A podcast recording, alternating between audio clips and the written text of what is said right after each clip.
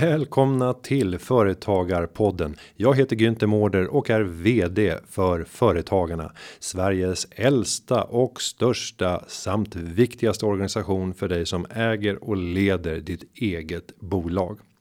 Idag så ska vi träffa två starka profiler och ledare från den finansiella sektorn. De ska få ge sitt perspektiv på den kris vi just nu går igenom och inte minst försöka blicka bort bortom den här pandemin och försöka förstå vad som kommer behövas för att vi ska ta oss ut stärkta på andra sidan och vad som väntar oss där. Jag säger varmt välkommen till Företagarpodden.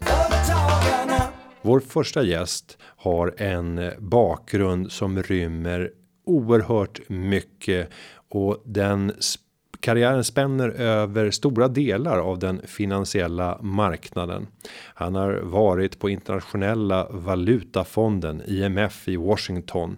Han har varit börschef på Nasdaq OMX i Stockholm. Han har varit på Folksam och idag så är han vd och koncernchef för Swedbank. Jag pratar såklart om Jens Henriksson.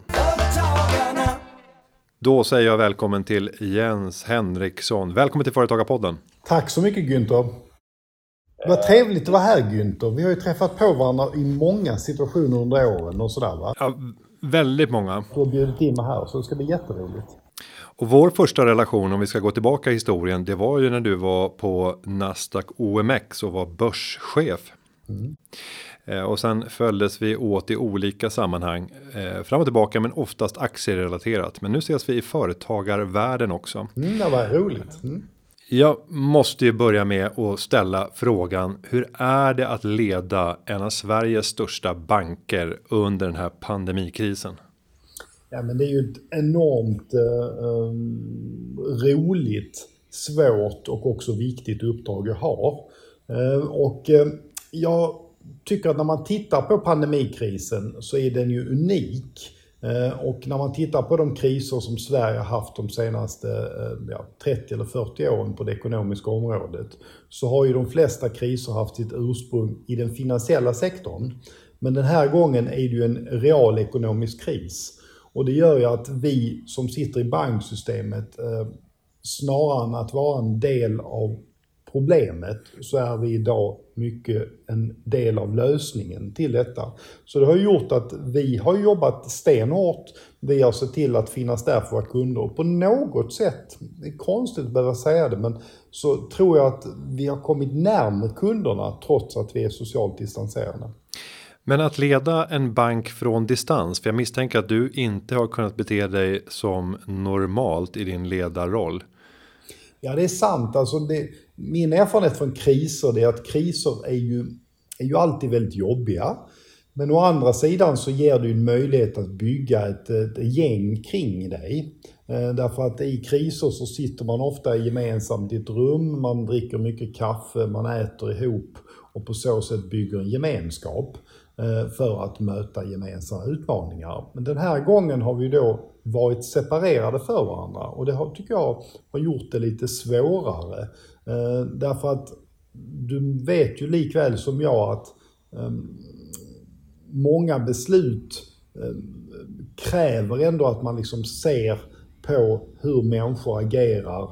Kroppsspråket har betydelse. Så jag tycker nog att vi ser både för och nackdelarna med digitalisering just nu. Och om vi tittar på sättet att leda under fysisk distansering. Tror du att den här perioden om tre månader lite drygt kommer att påverka vårt sätt att leda, inte bara bankverksamhet utan även andra typer av företag efter krisen? Ja, det tror jag. Jag tror att vi lär oss av detta och jag tror att eh, mycket av många av de resor man har gjort som, som eh, ledare eh, går faktiskt att ställa in. Jag tror att vi kommer resa mindre eh, och jag tror att vi kommer ha en del korta avstämningsmöte digitalt snarare än fysiskt. Samtidigt är det så att vi då verkligen ser nyttan av det fysiska mötet. Eh, att det är, jag skulle till exempel vilja åka runt mycket mer på kontoren i Sverige, Estland, Lettland och Litauen än vad jag gjort. Och det är ju en klen tröst när jag är uppkopplad mot eh, Eh, kontoret i, i, i, liksom, i Värnamo eller vad det nu kan vara, va? Så, så känner jag mig en, en så saknar jag det. Jag skulle liksom känna lukten. Jag skulle ha liksom, hur, hur är fingertoppskänslan? Och eh, det där går inte att ersätta med digitala möten.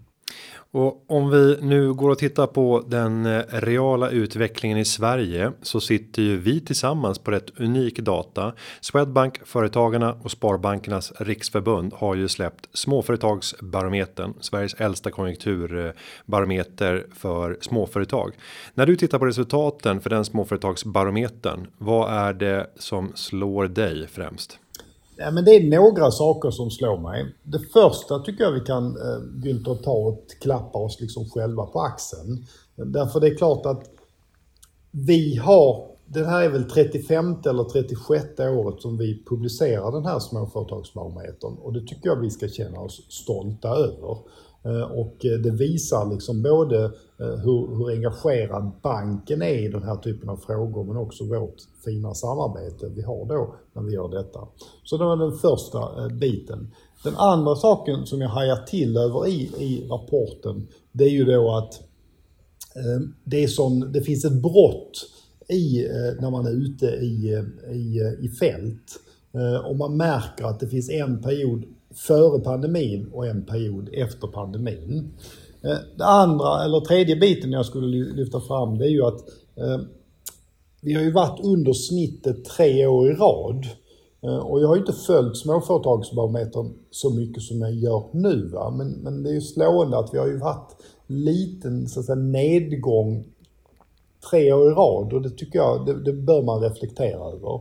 Och sen den sista biten är att det fortfarande, trots att många människor nu riskerar att bli arbetslösa, att det är bristen på arbetskraft som är ett, ett väldigt stort problem.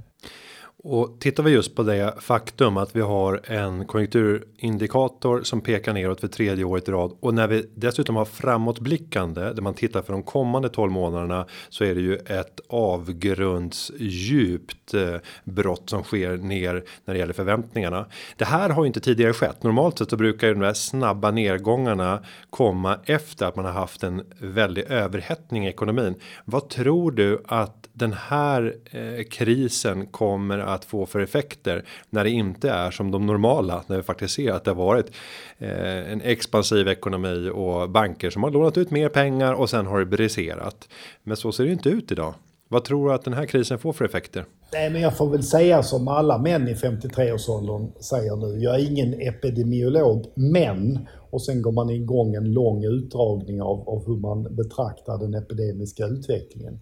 Ehm, jag, är, jag begriper inte sjukdomen fortfarande. Jag tycker det är svårt att förstå. Ehm, jag tycker att den forskning jag försöker följa och via nyhetsmedia gör att jag fortfarande mm, väger och, och försöker eh, förstå implikationer implikationen av det.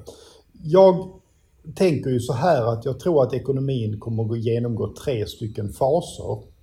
Den första fasen är då eh, att du får den här lockdown-effekten och då kommer ekonomiska politiken då svara, vilket den har gjort, med olika mitigeringsåtgärder. Den andra biten är ju då uppstartsbiten och den är vi ju lite i nu. Och då blir det en kombination av nedtrappning av stödåtgärder men också olika eh, beslut av regering och riksdag för att få ekonomin att kickstarta. Och sen det tredje kommer ju bli den långa, hårda, jobbiga budgetsanering som sen behöver ske med både höjda skatter och sänkta, eh, av, eh, sänkta eh, utgifter.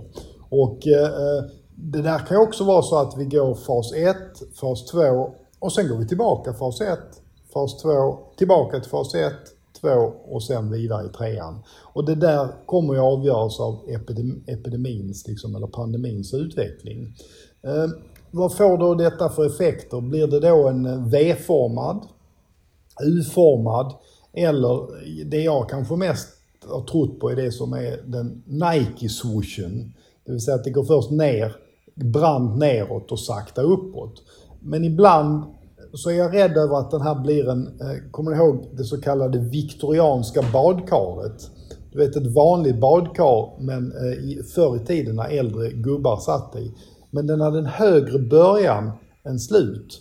Så jag tror att vad som kommer hända det är ganska skarpt neråt och sen blir det en, en, en, en plan bit och sen går det uppåt. Men jag tror inte riktigt vi kommer tillbaka till samma nivå eftersom jag tror att det är en stor risk att många eh, företag Eh, och eh, företagare kommer att slås ut i den här ekonomin och då är det svårt att eh, ehm, ganska snabbt ta igen detta. Och om det skulle bli enligt det scenariot så skulle man ju som företagare kanske vara mer försiktig i ett sånt scenario jämfört med det enkel V scenario som man har diskuterat också som ett möjligt alternativ. Om du skulle resonera utifrån en vanlig småföretagares eh, vardag. Vad skulle du eh, säga när det gäller att eh, planera för framtiden? Ska man tänka att det kommer inte bli en, en V-återhämtning? Du bör planera för en långsam återhämtning och att det kommer ta år innan vi är tillbaka i det skick som ekonomin var i i början av mars 2020. Jag tror att det är väldigt svårt att göra en, eh, en, liksom en receptvis bedömning till eh, så att säga, företagare som, ett, eh, som en grupp. Utan jag tror att vi måste titta på olika typer av sektorer. En del sektorer har ju aldrig haft det bättre än vad de har idag och andra sektorer har, har det ganska problematiskt. Så jag tror att det viktiga här är ju att eh, jobba med de tre bitar som vi i banken väldigt mycket jobbar med. Det första är ju att eh, få en uppfattning om alla de stödsystem som finns. För låt mig vara tydlig, jag tycker att regering och riksdag och myndigheter i grund och botten har gjort ett ganska bra jobb. Eh, framförallt vad det gäller liksom den storleken på de stimulanseffekter man har lagt. Sen finns det grupper, eh, eh, vissa eh, Eh, så att säga, egna företagare som, som har fått problem därför man har enskild firma där man inte haft eh, en bra stödstruktur. Eh, men, så det är den första biten. Det andra är ju då att få individuella råd om hur man som företag ska agera. Och då kan ju vi som bank ge den typen av råd. Och den tredje är ju då olika typer av likviditetsstöd eller lån. Och då måste man som företag fundera på vad får den här krisen för effekter? Hur kommer den att påverka? Och där är jag ingen guru utan det är helt övertygad om att alla de företagare som lyssnar på detta nu har en järnkoll och har en ganska god uppfattning av hur eh, eh, affären kommer att komma tillbaka. Om man jobbar till exempel i en hårfrisör eh, eller om man har en, en tillverkningsindustri eller om man har restaurang eller hotell. Men då måste jag också passa på att ställa frågan kopplat till de kris åtgärder som regeringen har riktat mot bankerna för att kunna hjälpa företagare. Både Riksbanken och eh, har ju gått ut med egna insatser och regeringen har fattat beslut om olika typer av garantier. Har det här varit efterfrågat och har det använts av er banker? Ja, alltså som vi som banksystem eh, har ju då fått del av, för det första har ju då Riksbanken gjort att det finns bra likviditet på marknaden. Både genom att tillhandahålla lån men också genom att ge sig ut och göra stödköp på olika typer av marknader. Och det gör ju att vi som bank inte har några problem med likviditet. Va? Eh, den andra biten som då har hänt det är ju att eh, Finansinspektionen har gjort ett antal ändringar i regelverken som gör att vi får lite mer kapital till följd av detta. Samtidigt vet vi att när, när liksom ekonomin vänder då kommer ju Finansinspektionen troligen att dra tillbaka detta så att det där är ju liksom en, en, en grad, en temporär eh, åtgärd. Och sen så har vi också haft Riksgäldskontoret då som har garanterat vissa lån. Och sammantaget så gör ju det att vi har kunnat utnyttja en del av detta. Samtidigt har ju inte, mm, är ju vår erfarenhet att vi har ju inte sett så mycket efterfrågan på lån från småföretag som vi kanske väntade till en början av krisen. Min bild är att de svenska småföretagarna eh, i grund och botten inte är speciellt sugna att ta på sig ytterligare lån. För att eh, de begriper att lån är någonting man ska betala tillbaka även om räntan är låg. Eh, och det gör nog att svenska, för, svenska småföretag, också lite större företag, nog håller igen och, och, och vill se vad som händer. På de stora företagen har vi sett en annan bild. Där har man ju så att säga, lärt sig av vad det som hände under finanskrisen. Och där har man byggt upp enorma kassor av likviditet för att kunna hantera om de finansiella marknaderna inte skulle fungera. Men hade du velat se fler småföretagare som var mer offensiva och faktiskt vågade låna pengar för att kanske ställa om, förbereda sig för tiden efter? Nej, jag vill inte ge den typen av råd, utan det där är ju faktiskt ett, eh, vill inte ge ett generellt råd, utan det där ska anpassas efter varje företag. Eh, och där är det så att företagarna kan sina företag själva. Eh, vad vi har sagt i banken det är att ehm, vi ska finnas till för våra kunder. Eh, och nu är det en svår sits och då ska vi hjälpa till. Och därför har vi sagt att när, när våra kunder dyker upp så kommer vi titta på dem enligt två stycken eh, saker som vi prioriterar mer. Det ena är relation. Ehm, både du och jag vet Günther att vänner får man liksom inte under goda tider utan vänner skapar man sig under svåra tider. Ehm, och eh, då är det så att har, har, har man haft en lång relation då kan man varandra och då, då vet man att man finns där i, i svåra tider. Den andra biten är ju risk. Ehm, och det är klart att det finns en del affärsmodeller som eh, var eh, framgångsrika i en högkonjunktur, som var framgångsrika i en tid post eller så att säga före covid. Eh, eh, och sen har vi eh, en sämre konjunktur och de begränsningar som finns på, på så att säga, när, hur nära man får vara. Så att det gör att en affärsmodell som var framgångsrik innan behöver inte vara framgångsrik efteråt. Och det gör ju att, så måste vi också ta i beaktande.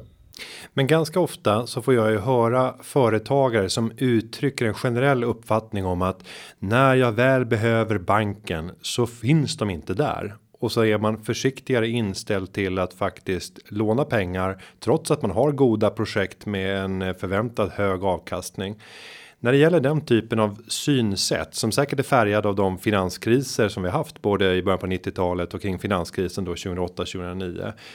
Hur ska man som eh, företagare rent generellt tänka i relationen till sin bank? Jag tror att erfarenheten är att man bör prata mycket med sin bank.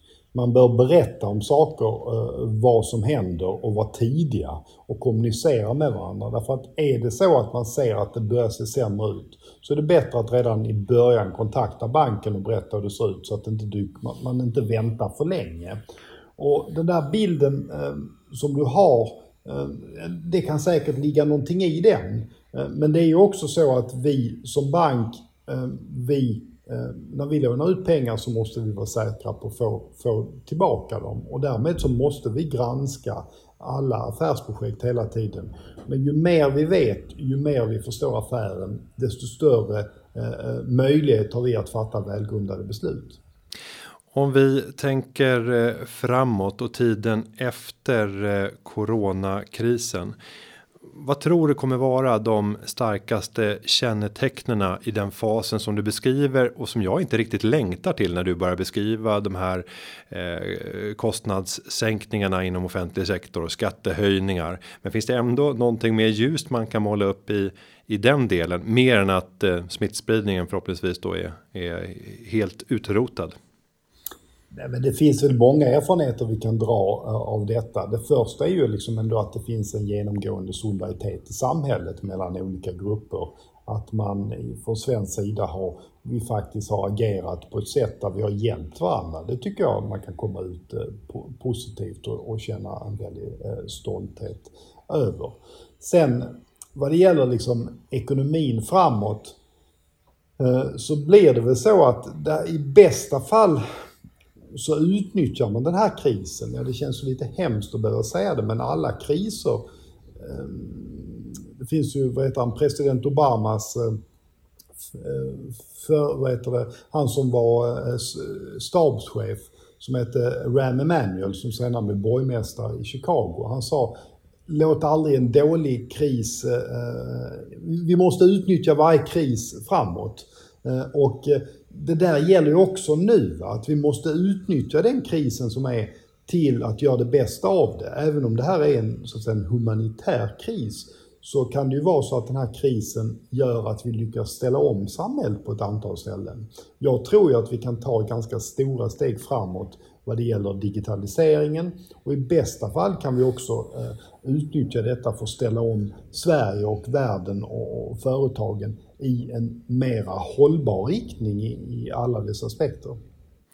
Om vi går tillbaka tidigare i din karriär så har ju du erfarenheter även eh, av IMF där du har jobbat många år och varit med och fått se länder som har hamnat i kris, inte till följd av, av pandemier utan andra skäl, eh, men varit med och satt upp stödsystem för att ta dem upp på banan. Vad är dina erfarenheter av den fasen som kommer efter den krisen? Vad är det som har överraskat dig mest när man är inne i de där akuta skedena och det som sen följer? Nej, men det som är, är unikt nu det är just den här bristen på, på så att säga, social närhet. Eh, det är ju, vi pratade om det förut, men det är det här att du, du bygger inte ett gäng ihop. Och det har också gjort att även på stats och regeringschef så, så det man saknar här har ju varit ett tydligt globalt ledarskap. Vi är så vana att det finns ett stort land i, i, i väster som, som tar ett stort ledarskap, men det har man inte då gjort både i pandemin och beroende på att man, man har så att säga den man kallar för America First eh, eh angreppet. Och det där saknar jag lite. Eh, det är inte koordinerat på det sättet. Samtidigt har ju världs, eh, länderna i världen reagerat på ett ganska bra sätt vad det gäller eh, Eh, att driva en expansiv både finans och penningpolitik. Men det här är så stor skala. Jag menar när man, när man lyssnar på både IMFs chef och Världsbankens chef och OECDs chef så säger de att det här kan vara den värsta ekonomiska nedgången sedan 30-talet. Och en del säger till och med att det är värre än 30-talet. Och nu sitter vi här eh, och eh, känner oss stolta över att vi har, har liksom nått framåt vad det gäller FNs millenniemål. Men det som händer i många länder nu det är att de skickas tillbaka ett många år bakåt i tiden. Mycket av den så säga, minskade fattigdom som vi har sett i världen de senaste åren har ju kommit från företagande. Eh, och det här företagandet i, i, slås ju nu sönder i många länder. I dagsläget är det över hundra länder som har sökt stöd av internationella valutafonden IMF. Så det är klart att den här krisen kommer att få enorma konsekvenser. Och om vi ser utifrån ett svenskt perspektiv där så har Sverige gått generellt sett försiktigare fram i isolationen av samhället. Eh, det här ser ut att ha bidragit till att svensk ekonomisk tillväxt mätt som BNP eh, ligger ungefär 2 procentenheter bättre än våra närmsta grannländer. Eh, vad kan det här betyda för eh, Sverige, svensk ekonomi, svenska banker när vi väl kommer ut på andra sidan? Jag tycker att den här diskussionen om Sverige kontra andra länder är lite överdriven. Jag tror att skillnaderna är faktiskt inte fullt så stora som man både från så att säga, proponenter och opponenter har sagt. Utan jag tror att Sverige har agerat ganska likt de nordiska länderna med, med vissa undantag förstås. Eh, men jag tror att det viktigaste här är också att den svenska eh, så att säga, näringsstrukturen riskerar att drabbas mer än, än andra länder därför att vi har en, en stor, eh, eh, en stor, en stor, många sektorer som påverkas av covidkrisen. Och när OECD tittar på detta så säger de att Sverige är ett av de fem länder i världen som kommer drabbas hårdast. Därför att vi har en så stor vi har tillverkningsindustri eh, som de tror kommer att påverkas av detta. Jag, tror att det här kommer få ganska ordentlig påverkan på den svenska ekonomin. Mm. Ja, framtiden får utvisa. Om du nu får spå kring din egen sommar. Vad är det som väntar och hägrar framöver? För jag hoppas att du får lite ledigt också.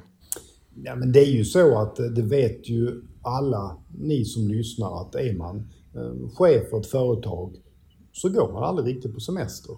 Eh, är det någon som vet om detta i Sverige så är det ju företagarna som, som jobbar med sina företag eh, dygnet runt 365 och ibland 366 dagar om året. Och det är samma sak som bank att även om jag naturligtvis ska försöka bada nere i Halland eh, någon gång eh, så det är klart att eh, telefonen är alltid på, eh, det är tankar som virvlar runt i huvudet, det är ett ansvar man känner, men det är också en lust eh, Eh, därför att vi har ju förmånen att få ha roliga jobb och vara med om att och, och påverka och dessutom se till så att eh, välstånd och eh, välståndet ökar i Sverige och det är jag ju väldigt stolt över. Så jag ser fram emot en svensk semester, jag ser fram emot fortsatta tankar på, på bankens utveckling och jag ser fram emot ett fortsatt gott samarbete med Sveriges alla företagare. Ja, ansvaret tar aldrig semester, men eh, nu ska vi i alla fall släppa dig för annat arbete eller lite rekreation. Stort tack Jens Henriksson, vd för Swedbank för att du var med i Företagarpodden. Tack så mycket Günther Mård. Och där är jag tillbaka i studion och det är dags för mig att introducera vår nästa gäst det här avsnittet. Hon är eh, vd vdn för Sparbankernas riksförbund där hon varit vd sedan 2014 men har ett långt förflutet i styrelsen för organisationen. Och hon kan bjuda på väldigt många perspektiv när det kommer till hur eh, de lokala sparbankerna ser på utvecklingen. Jag eh, välkomnar till Företagarpodden Eva Andersén. Då hälsar jag Eva Andersén, vd för Sparbankernas riksförbund sedan 2014. Välkommen till Företagarpodden. Tack så jättemycket. Du befinner dig ju inte på ett eh, varmt kontor. Var finner vi dig just nu? Just nu finner ni mig på en båt i de småländska sjövattnen eh, ute mellan, ja, strax utanför Oskarshamn. Och sannolikt så hade det här aldrig inträffat före krisen att vi hade gjort den här typen av intervjuer med den avslappnade attityd som vi ändå har fått nu efter tre månader med fysisk distansering. Hur, hur har livet eh, för dig påverkats som ledare för den stora sparbanksrörelsen i eh, Sverige under de här coronamånaderna vi har upplevt? jag tillhör ju de som veckopendlar till Stockholm och eh, det har då inneburit att jag har jobbat hemifrån Småland ända sedan slutet av mars. Och eh, jag kan väl säga till början med tycker jag att det gick jättebra men ju längre tiden går ju jobbigare blir det faktiskt. Och det är kanske mest utav psykiska skäl tycker jag för att man, man går liksom aldrig hem från jobbet. Man har jobbet med sig hela tiden, man har ganska dålig, um, sitter rätt så dåligt och sådär så att um, det är uh, det har sina utmaningar och det har också utmaningar om man är ledare för en organisation, att man hela tiden är på avstånd. Man får inte de där naturliga kaffefika samtalen vid eh, automaten och lite sådär. Och jag, jag tycker att jag upplever det ganska jobbigt just nu. Ja, och jag hör många som vittnar om precis samma sak och jag själv säljer mig till den, den skaran. Eh, men om vi bara ska förstå hur ditt arbete är utformat. Nu har jag precis intervjuat Jens Henriksson, vd för Swedbank och nu är du vd för Sparbankernas riksförbund. Eh, och det finns ett tätt samarbete mellan Swedbank och Sparbankerna. Vill du beskriva lite grann hur ser relationen ut mellan Swedbank och, och Sparbankernas riksförbund och vilka likheterna och skillnaderna skulle du säga mellan att vara vd för Swedbank eller vd för Sparbankernas riksförbund? Eh, men jag är ju VD för ett riksförbund, alltså en branschorganisation. Jag brukar jämföra det med att vi är bankföreningen för sparbankerna i landet. Och eh, som du säger så har vi ju ett nära samarbete med Swedbank och det är ganska naturligt för att Swedbank är ju sprunget ur sparbanksrörelsen. Det var ju ett antal sparbanker som bildade Sparbanken Sverige som blev börsnoterat och så vidare. Och eh, därav har vi haft ett långvarigt samarbete. Vi har ett samarbetsavtal där vi utvecklar eh, IT-tjänster och sådana här saker tillsammans. Så det är ganska naturligt. Eh, skillnaden att vara en sparbank kontra Swedbank är ju till största delen att Swedbank är en affärsbank som finns börsnoterad på börsen. Det är ju inte en sparbank. Det finns, inga, det finns inget enskilt vinstintresse i en sparbank. Utan vi brukar säga att de pengar som kommer från, från orten där vi verkar ska också gå tillbaka dit och det gör vi ju då genom att eh, bidra till lokalsamhället, Och som en passus där kan jag väl säga att förra året så lämnade vi tillbaka till föreningar och så, ja, föreningar och liknande ungefär en halv miljard kronor till lokalsamhället. Vi verkar ju till största delen utanför storstäderna. Ja, det är en eh, otrolig apparat när man tittar på alla fristående sparbanker. Hur många fristående sparbanker har vi till antalet i Sverige idag? Vi har 59 idag. Eh, vi är 58 som är medlemmar i vårt förbund. Och mm. till det kommer då ett antal ägarstiftelser också som är medlemmar i förbundet. Där eh, Sparbanken har ombildats till ett aktiebolag som ägs utav den eh, lokala ägarstiftelsen men verkar under Sparbanksidén och så vidare. Tillsammans så släpper vi årligen eh, småföretagsbarometern. Eh, när du tittade på årets konjunkturbarometer, vad är det som slår dig? Ja, kanske inte så förvånande. Det är klart att vi går ju en väldigt besvärlig tid till mötes. Det kan vi ju vara helt överens om. Men det som slår mig mest är att det fortfarande då är svårt att hitta rätt kompetens ute i, eh, i företagen. Trots att man har det väldigt stökigt så söker man ändå ny arbetskraft. Och det tycker jag är eh, lite förvånande. Jag trodde inte den var så högt rankad i år faktiskt som den har varit de senaste åren. Sen vill jag ändå lyfta fram en positiv sak i det hela. Det är att inte fullt lika många som tidigare tycker att det är svårt att få finansiering. Det är fortfarande ett, eh, en svår sak men inte lika markant som det var för några år sedan. Och det tycker jag ju som verkande i den finansiella sektorn att det är klart att det är väldigt tillfredsställande. Eh, när vi ser tillbaka på småföretagsbarometern historiskt så tenderar småföretagare att vara överoptimistiska när man tittar på de kommande 12 månaderna och gör prognoser för sin egen utveckling. När vi sen följer upp det där ett år senare så brukar det alltid vara lite lägre värden. I år så målar man ju med nattsvarta färger för de kommande 12 månaderna.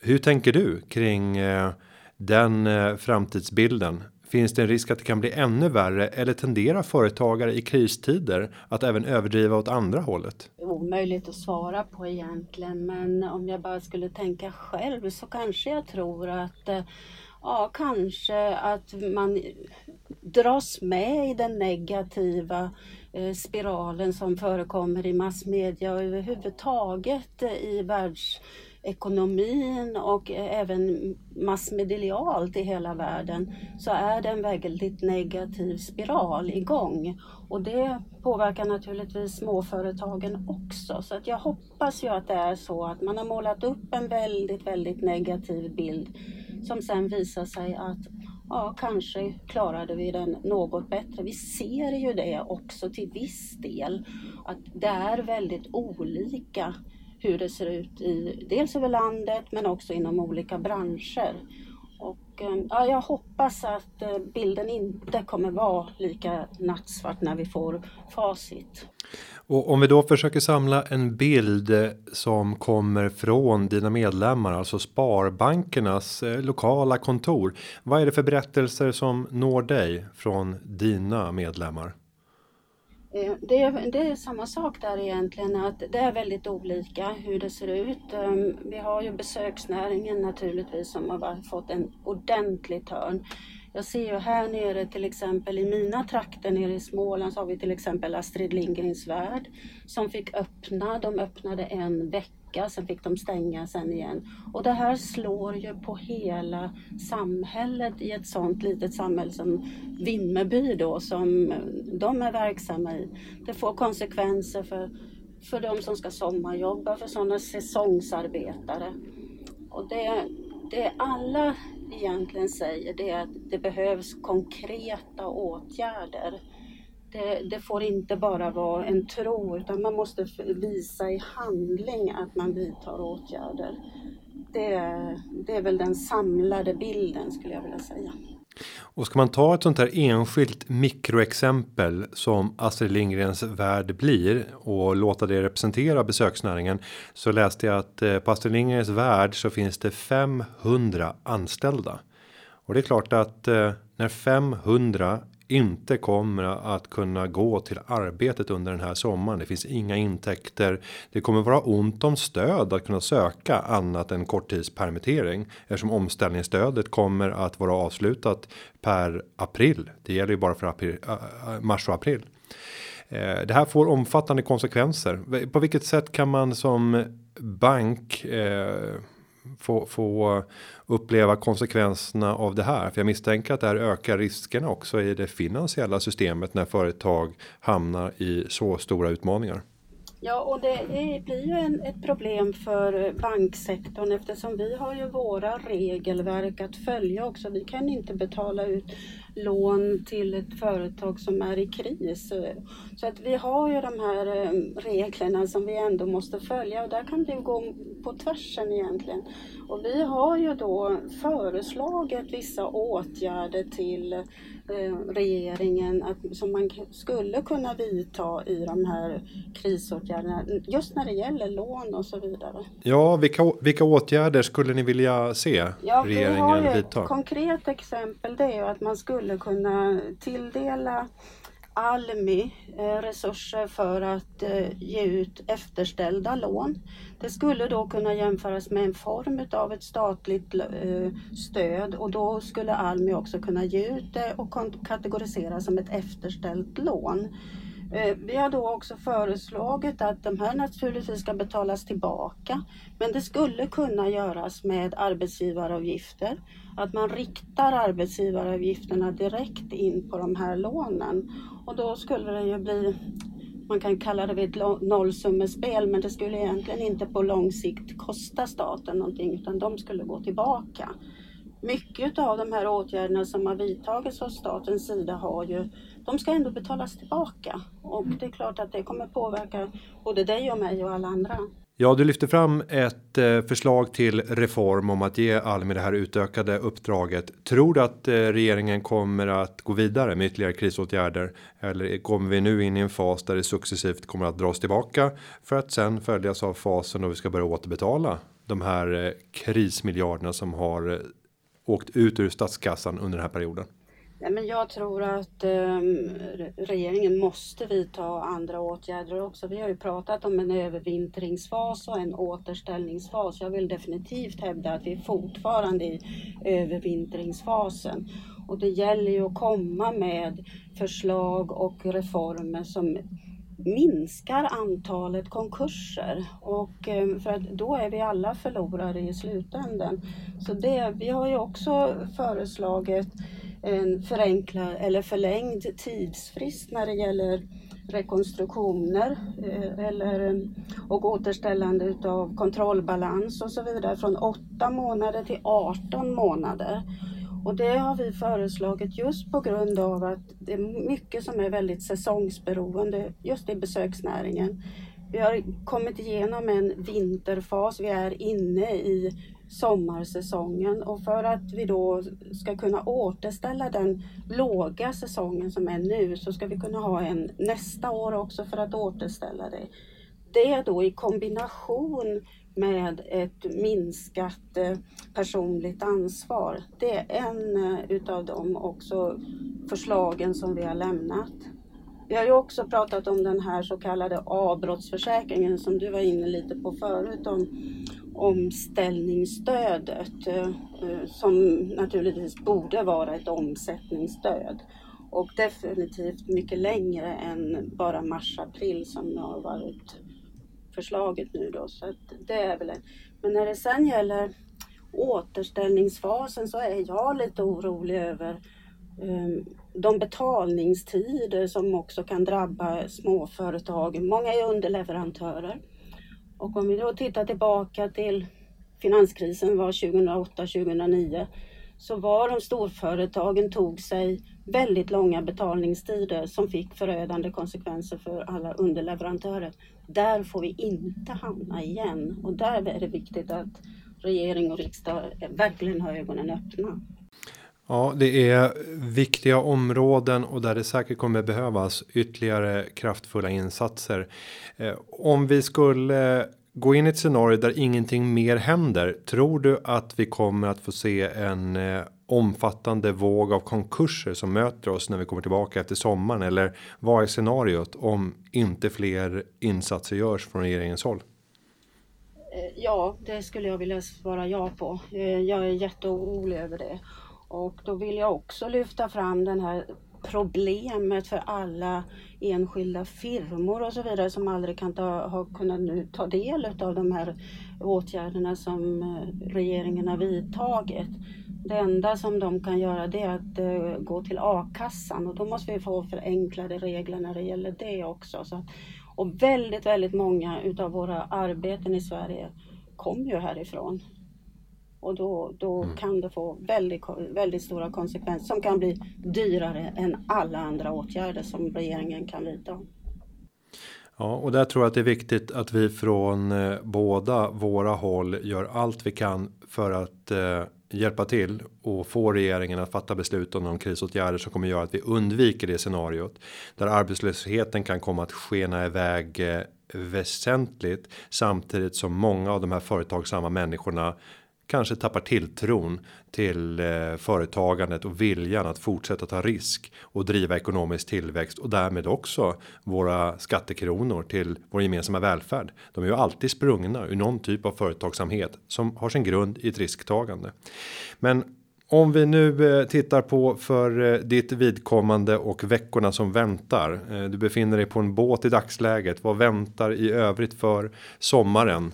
Jens Henriksson förklarar att ansvaret tar aldrig semester, men jag hoppas att du eh, får lite miljöombyte nu. Ja, jag eh, har ju åtminstone en planerad semester framme, men eh, telefonen kommer ju vara igång mer kanske än ett normalt år. Men jag tror att samarbeten framåt kommer vara helt avgörande. Eh, både från vår sida, från er sida, från finansmarknaden i övrigt, riksdag, regering och alla myndigheter. Jag tror att det här måste vi lösa tillsammans och vi måste våga lyssna på varandra och våga tänka eh, lite utanför boxen. Mm. Eva, jag vill säga stort tack för att du deltog i Företagarpodden och eh, ta det lugnt på sjön. Tack ska du ha, tack. Och där tackar vi både Jens och Eva för att de deltog i Företagarpodden från två helt olika platser i Sverige. Men vi har ju blivit allt mer bekväma med att kunna göra olika inspelningar med gäster från distans. Nu vill jag bara avslutningsvis tipsa om att för dig som företagsledare så finns det mängder av information och inspiration att ösa ur på företagarna.se. Och vill du ta del av hela rapporten småföretagsbarometern som jag har diskuterat både med Eva och med Jens så finns den att tillgå på företagarnas hemsida och där kan man även bryta ner det på regional nivå för att se hur utvecklingen samt utsikterna ser ut när vi har ställt frågan till företagare i regionen där du just du bor. Med det så ska jag avsluta med att säga att eh, underlaget för den här podden. Ja, det har förberetts av David Hagen och klippningen. Den är gjord som vanligt av Petra Chu. Vi hörs igen nästa vecka varje vecka hela sommaren. Ha det gott! Företagarna Ja, ja, ja, ja, ja, ja.